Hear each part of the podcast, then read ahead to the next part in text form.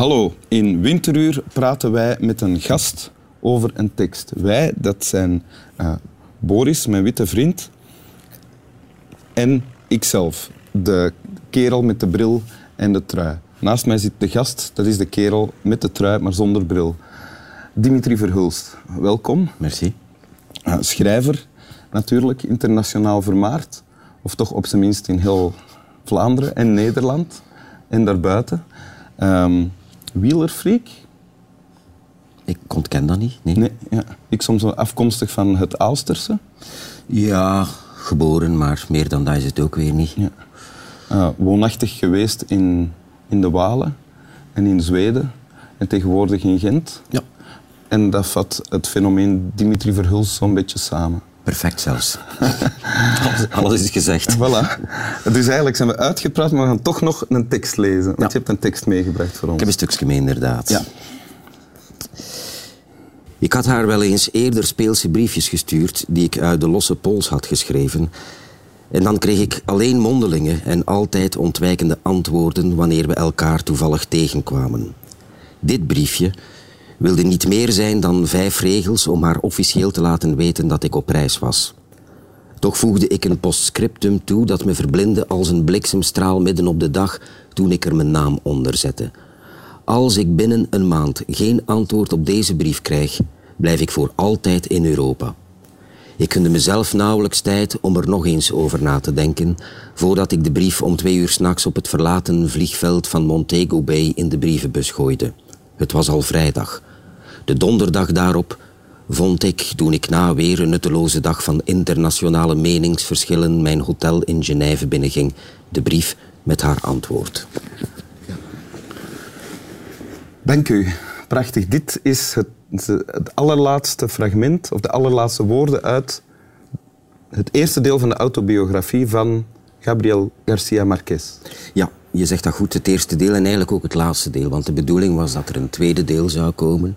Maar eigenlijk stopt het leven van Marquez zoals hij het zich herinnert hier.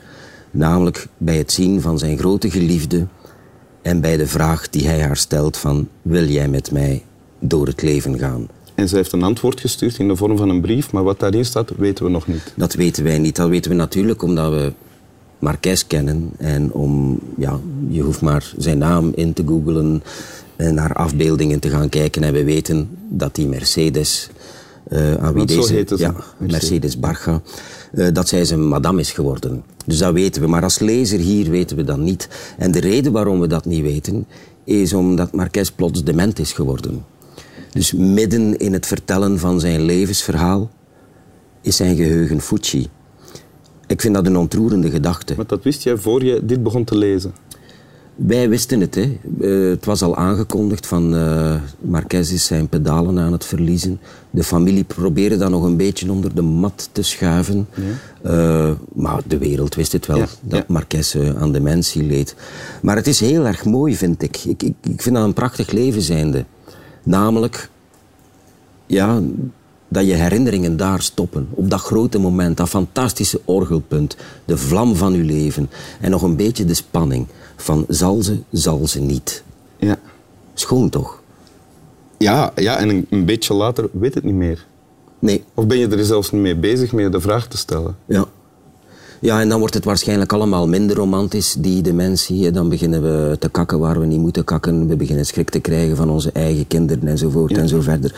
Maar dat, dat ganse idee dat de herinnering daar stopt bij zoiets schoons. Bij die magistrale liefde, daar teken ik eigenlijk wel voor. Ja?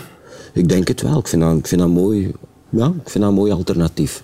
Ook als je vlak daarna een dement wordt? Uh, ja, ik rook natuurlijk wel iets te veel om dement te kunnen worden, denk ik. Dus er echt mee bezig zijn moet ah, ik Is dat mee. zo? Lopen rokers minder risico op de dement? Maar we starten gewoon vroeger, hè, Wim. Ja, ja. ja. Oké, okay, ja. Dus dat is een voordeel eigenlijk. Eigenlijk wel. Ja, ook voor de ziekenkast en zo. Ik vind eigenlijk dat, dat, er, dat we dat zouden moeten kunnen terugtrekken van de ziekenkast, die sigaretten. Oké. Okay.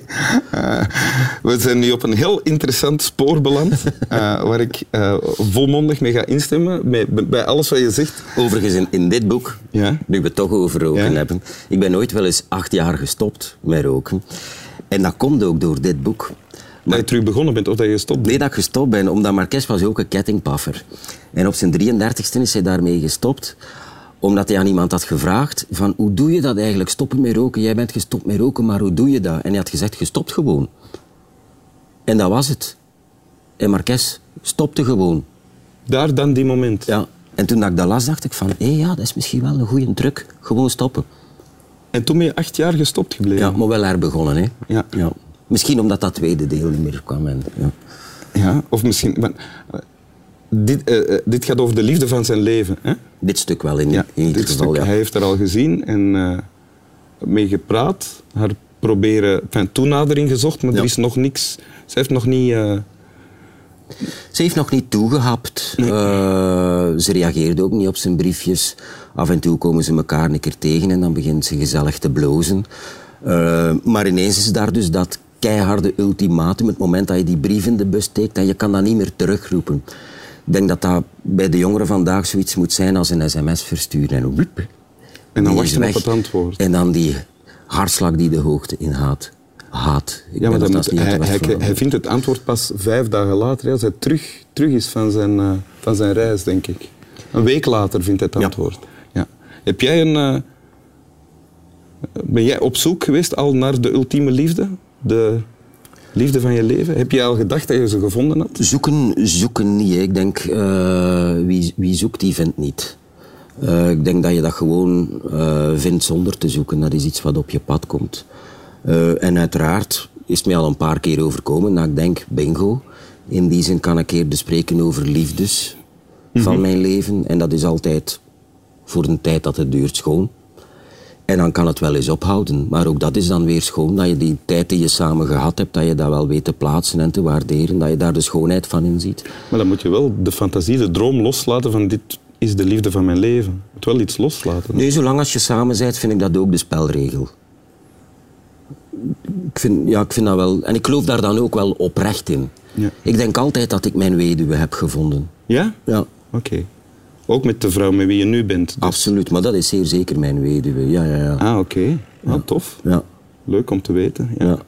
ik denk nu ook van, we zullen over vijf jaar nog eens spreken. Maar Ah, wel, ja, dan kan dat weer iets anders zijn, maar dan ga ik met dezelfde overtuiging dit herhalen. Ja, oké, goed. Want, want wat, er, wat, wat moeilijk is, vind ik zelf, is het loslaten dan van. Het voelen van het klopt niet meer, maar het moeten loslaten.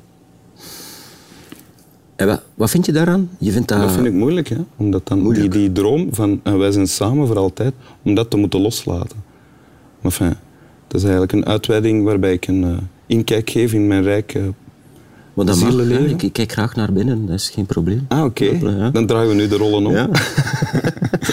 Jammer genoeg heeft de kijker daar geen boodschap aan, want de kijker is samen met mij voornamelijk geïnteresseerd in de gasten en in de teksten die zij meebrengen. Wil je het nog één keer voorlezen? voor? Zeker.